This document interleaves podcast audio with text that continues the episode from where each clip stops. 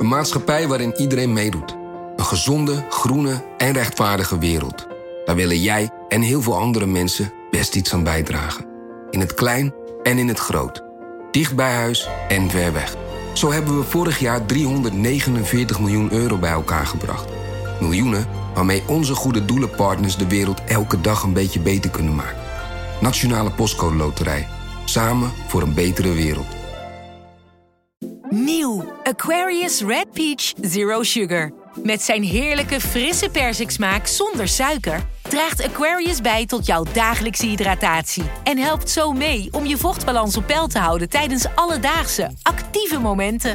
Thuis, op het werk of onderweg. Ook verkrijgbaar in smaken lemon en orange. Probeer hem nu. Vanaf de redactie van NRC het verhaal van vandaag. Mijn naam is Floor Boon.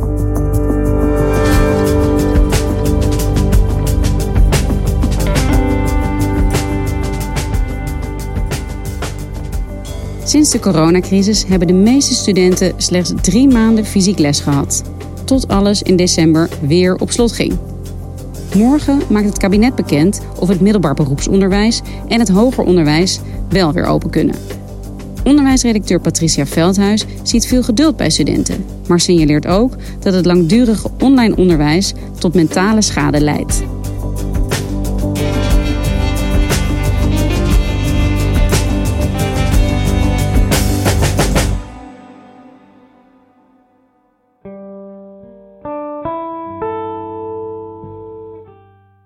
Het is twee voor elf, twee minuten voor het begin van mijn eerste college na twee weken vakantie.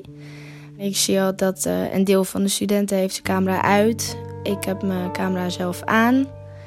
Ik heb een koffie gezet. Uh, ik heb een badjas aan en we gaan zo beginnen. So, welcome everybody. Uh, can somebody give me a thumbs up if you see... Dit is Isa Boos, ze is 22 en ze is tweedejaars student sociologie aan de Universiteit van Amsterdam. Ze is een van de vele duizenden studenten die al sinds het begin van hun studie thuis zitten en grotendeels online onderwijs hebben gehad.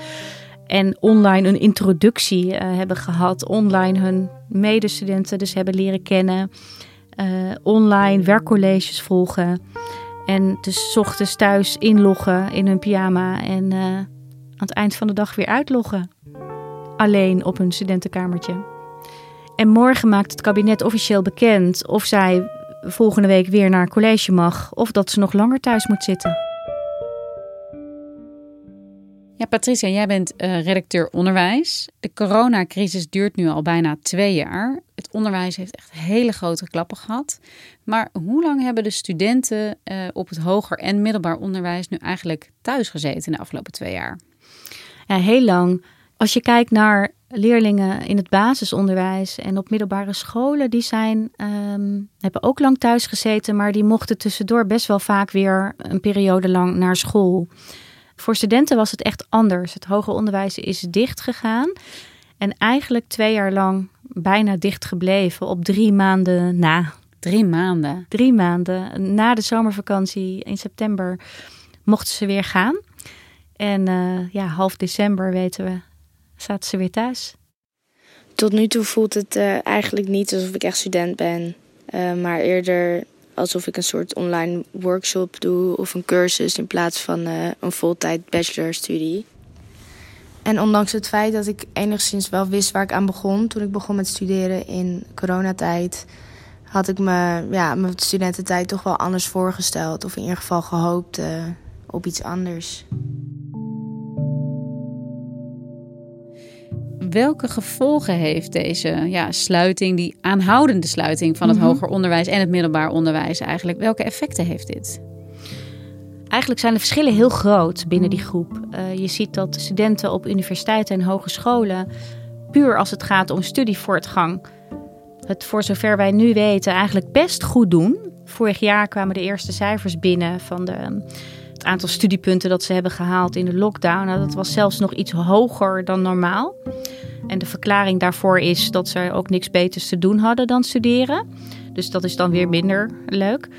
Uh, maar we zien dat uh, studenten op het MBO wel uh, meer ja, leervertraging hebben, zoals dat dan heet. Mijn naam is Paulien Griesdoorn. Ik ben 17 jaar en mijn voornaamwoorden zijn die dienst. Ik doe de opleiding interieuradviseur aan het Houten Mobileringscollege in Amsterdam-Sloterdijk.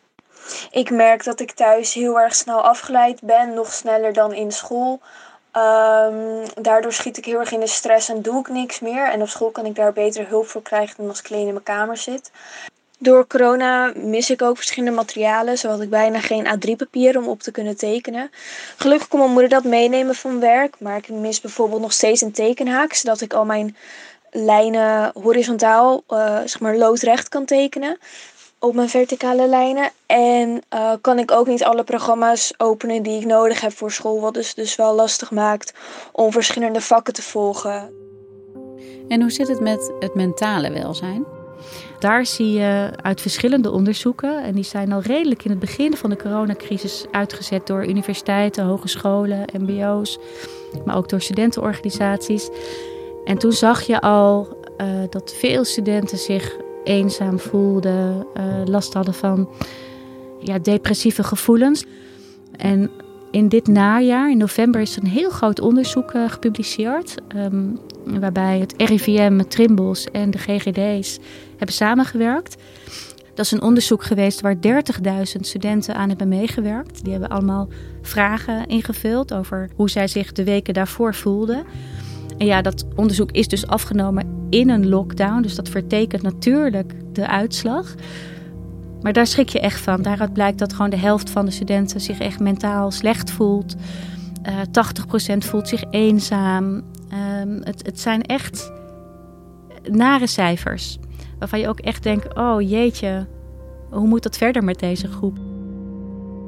Ik ben Eva en ik studeer journalistiek. Ik zit nu in mijn derde jaar. Ik ben 19. Aan het begin van de lockdown zat ik eind mijn eerste jaar. En uh, was ik heel erg gemotiveerd om mijn studie te halen, hoge cijfers te halen. Ik had een strakke planning waar ik me ook echt aan hield. En dat kan ik nu helaas niet meer zeggen. De structuur die weg is gevallen omdat we niet elke dag meer naar school konden, heeft me wel echt een beetje de nek omgedraaid. Want, nou ja, ik ga nu niet echt vrijwillig voor tien uur mijn bed uit. En daar baal ik ook heel erg van. Het is niet zo dat ik er echt voor kies. Uh, maar ik, mijn hele lichaam heeft gewoon geen zin meer. Bijvoorbeeld ook de Nederlandse Vereniging voor Psychiatrie trekt aan de bel, omdat dit ook echt langdurige uh, gevolgen kan hebben voor die groep. Want juist um, tussen je 18e en je 25ste, dan ben je aan het ontwikkelen. Als het dan niet goed met je gaat en dat duurt lang, dan is het echt moeilijk om te herstellen. Zonder dat we elkaar nu helemaal de put in moeten praten. Met de grootste groep komt het echt wel goed.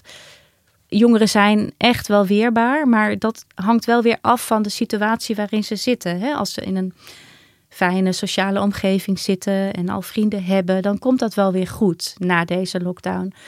Maar als je al het moeilijker vindt om vrienden te maken, als je al wat introverter bent, en, of als het misschien thuis niet zo lekker gaat, ja, dan heb je extra nadeel van dit en dan is het echt moeilijk herstellen.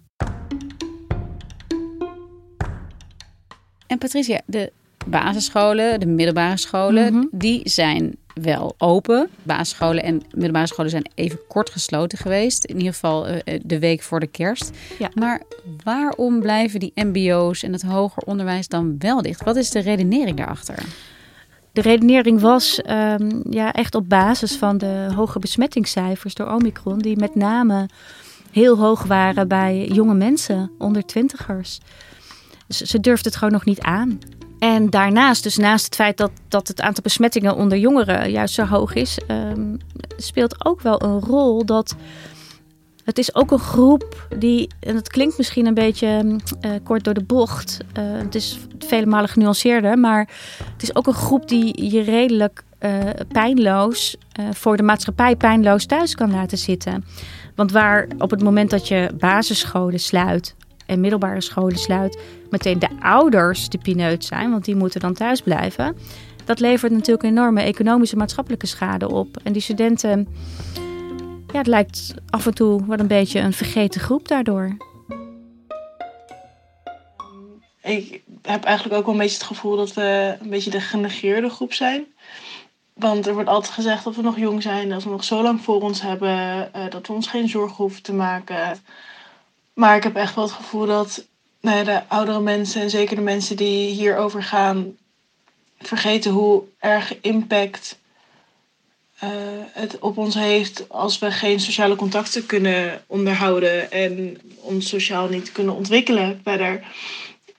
Ja, ik, ik vind dat best wel erg. En het doet ook wel een beetje pijn. Ja, en een vergeten groep. Dat is misschien eigenlijk wel een mooie manier om te zeggen dat dit een ja, grote groep eigenlijk is in onze maatschappij. Die veel uh, concessies moeten doen en daar weinig voor terug lijken te krijgen. Wie behartigt eigenlijk de belangen van de studenten? Als het gaat over ondernemers, dan horen we altijd mensen roepen dat ze zo snel mogelijk weer open moeten. Uh, de horeca weet altijd heel goed uh, de media te vinden. Wie komt er voor de studenten op? Nou, de studentenbelangen worden echt wel behartigd door een aantal uh, organisaties. Je hebt de LSVB, de Studentenvakbond. Uh, je hebt het ISO, een uh, grote studentenorganisatie. En je hebt MBO Job, dat is de jongerenorganisatie van het MBO. En daar heb ik natuurlijk ook mee gepraat de afgelopen dagen van... jongens, waarom horen we jullie niet? En zij zeggen, ja, wij, wij, je hoort ons misschien niet, want we gaan niet de straat op, nog... Maar achter de schermen zijn wij wel degelijk bezig om uh, met het ministerie van Onderwijs te praten. Om alles te doen wat we kunnen om het belang van studenten over het voetlicht te brengen. Ik heb daarover gesproken met bijvoorbeeld uh, Lisanne de Roos van het ISO. Dat is het Interstedelijk Studentenoverleg. En we spreken vrij regelmatig met uh, ambtenaren van het ministerie van uh, OCW. Die spreken natuurlijk weer heel regelmatig met de minister. We spreken ook altijd zelf met die minister vlak voor een persconferentie. Dat is ook een moment om uh, te reageren op het besluit wat zij dan gaan verkondigen. Wat we dus de vorige keer gedaan hebben, is ook wel weer duidelijk gemaakt nou, dat wij daar grote zorgen bij hebben en dat we niet blij zijn met de sluiting. Um, we doen het natuurlijk door het ook aan de buitenwereld te vertellen, wat, wat het met studenten doet, want dat is een verhaal wat vooral ook gewoon bekend moet zijn. En we doen het ook door met experts te praten die bijvoorbeeld uh, rondom het OMT zitten of die uh, op een andere manier veel invloed hebben op de besluitvorming. Zodat zij allemaal weten wat de gegevens zijn die wat ons betreft ook mee moeten worden genomen in zo'n afweging. En, en zij zijn ook uh, echt begonnen met eigenlijk die campagne van, om te laten zien van let ook op studenten, het gaat niet goed met ze. En zij hebben, ze een van de eerste ook de onderzoeken geïnitieerd naar het mentale welzijn van studenten heeft die, ja, die lobby van die studentenorganisaties dan eigenlijk gewoon veel te weinig impact? Ik denk echt wel dat het impact heeft gehad, omdat je wel een kentering hebt gezien. Um, je zag op een gegeven moment wel heel duidelijk dat het kabinet zich ook uitsprak: hè, van we gaan de scholen niet meer sluiten. Dat, was, dat werd wel heel breed gedragen. We weten heel goed wat de schade is uh, van geen onderwijs. Het is ook niet voor niks dat het kabinet uh, de 8,5 miljard voor heeft uitgetrokken hè, om uh, de komende, nou, nu nog anderhalf jaar uit te geven aan de achterstanden en ook het mentale welzijn. Dus het staat echt wel op de agenda. Wat er is gebeurd voor kerst is dat echt Omicron route in het eten heeft gegooid. We hebben een paar weken geleden nog een soort afscheidsinterview gehouden met minister Slop van Onderwijs die op donderdag voor het kabinetsbesluit van dinsdag nog twitterde: de scholen gaan niet meer dicht. ze zijn er echt door overvallen en, en toch in een soort ja, paniek bijna door die enorm snel om zich heen slaande nieuwe variant, hebben ze toch de scholen weer moeten sluiten. En ja, dat maakt mij ook wel bezorgd hoor voor de toekomst. Tot nu toe zijn de maatregelen vanuit de overheid uh, nogal in pieken en dalen gegaan datzelfde riedeltje eigenlijk nu al bijna twee jaar lang. En dat is iets waar ik me ja, in het begin best wel aan kon ergeren. En echt wel best wel grote frustratie bij voelde. Eh, maar op den duur is dat ook weer heel erg gaan wennen. En um, ja, is er bij mij op een gegeven moment een soort mentaliteit ontstaan van anticipatie op die pieken en dalen. En niet te veel vertrouwen hebben in, in de nabije toekomst. Wat wel steeds luider klinkt, is toch een roep om te zeggen van hou het onderwijs open. En zorg ervoor dat dat veilig kan. Er is een organisatie die heet uh, Platform Perspectief Jongeren. Dat is een organisatie die het ministerie van Onderwijs adviseert. En zij hebben vorige week ook nog weer gezegd van het onderwijs moet gewoon open blijven. En het moet niet de vraag zijn van of je het onderwijs weer moet sluiten. Het moet gewoon open blijven. Alleen we moeten kijken hoe dat veilig kan. Ja, want dit is misschien wel de hamvraag. Hoe kun je op een veilige manier voor zulke grote aantallen mensen die bij elkaar moeten zitten dan mhm. om een college bijvoorbeeld of een, een, een andere les te volgen? Mm als je het hebt over de lange termijn perspectief, corona blijft bij ons. Hoe, hoe zit het ermee? Wat zijn nu de ideeën daarover om dat uh, op korte termijn wel op een veilige manier te kunnen blijven doen? Ja, er wordt over een aantal dingen gepraat. Um, dus bijvoorbeeld in het laatste OMT-advies gaat het bijvoorbeeld ook over mondkapjes in de collegezaal. Hè? Dat, is, uh, dat is een um, optie. Dus zal ongetwijfeld zal het ook weer over groepsgrootte gaan. Dus dat je met een beperkt aantal mensen in een collegezaal kunt, waardoor je de anderhalve meter kunt uh, waarborgen. Het is uh, voor kerst heel lang gegaan over het corona-toegangsbewijs in het hoger onderwijs. En dat, dat lag heel gevoelig. Dat wilden de instellingen zelf eigenlijk ook niet. Omdat ze zeiden van ja, we kunnen dat heel moeilijk controleren. En, dan gaat het om een vaccinatiebewijs, een QR-code, zoals ja. uh, heel veel andere Precies. mensen ook hebben. En je zou zeggen, waarom niet, hè, als studenten daarmee uh, kunnen studeren. Uh, maar daar, daar was in elk geval voor kerst nog veel weerstand tegen, in, uit praktische overwegingen dus. Maar ook um, ja, vanwege zeg maar, het basisrecht op onderwijs kan je iemand die zich niet heeft laten vaccineren onderwijs onthouden? Dat is een hele moeilijke. We hebben nu een nieuw kabinet. Vrijdag is een persconferentie. Daar wordt meer duidelijk mhm. over uh, het hoger onderwijs. Er is ook een nieuwe minister van Onderwijs, Robert Dijkgraaf van D66. Mhm. Gaat hij uh, ja, iets meer kunnen betekenen voor deze groep? Ik hoop het. Um, hij zei in ieder geval maandagavond bij Op1 dat hij er alles aan zal doen om ervoor te zorgen dat het hoger onderwijs en het MBO weer open kan. Ik ga zeker ook heel sterk bepleiten hoe belangrijk het is om het volledige onderwijs open te hebben. Als we één ding gezien hebben, denk ik, hè, dat is ook al groeiend inzicht over de mm. laatste twee jaar.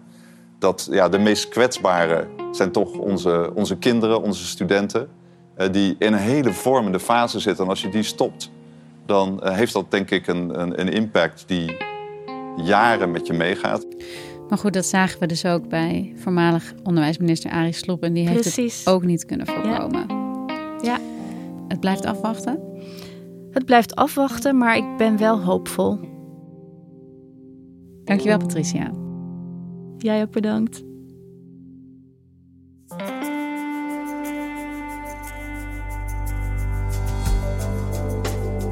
Je luisterde naar vandaag, een podcast van NRC.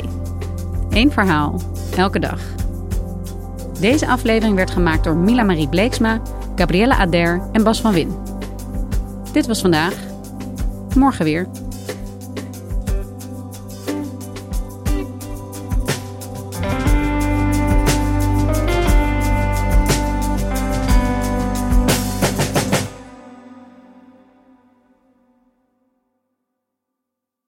Je hebt aardig wat vermogen opgebouwd. En daar zit je dan, met je ton op de bank. Wel een beetje saai, hè? Wil jij, als belegger, onderdeel zijn van het verleden of van de toekomst? Bridgefund is een slimme fintech die een brug slaat tussen de financiële behoeften van ondernemers en van beleggers. Dus wie belegt bij Bridgefund krijgt niet alleen een mooie vaste rente, maar brengt ook ondernemers in beweging. Echt waar! Met die ton kan je zoveel betere dingen doen. Bridgefund. Make money smile.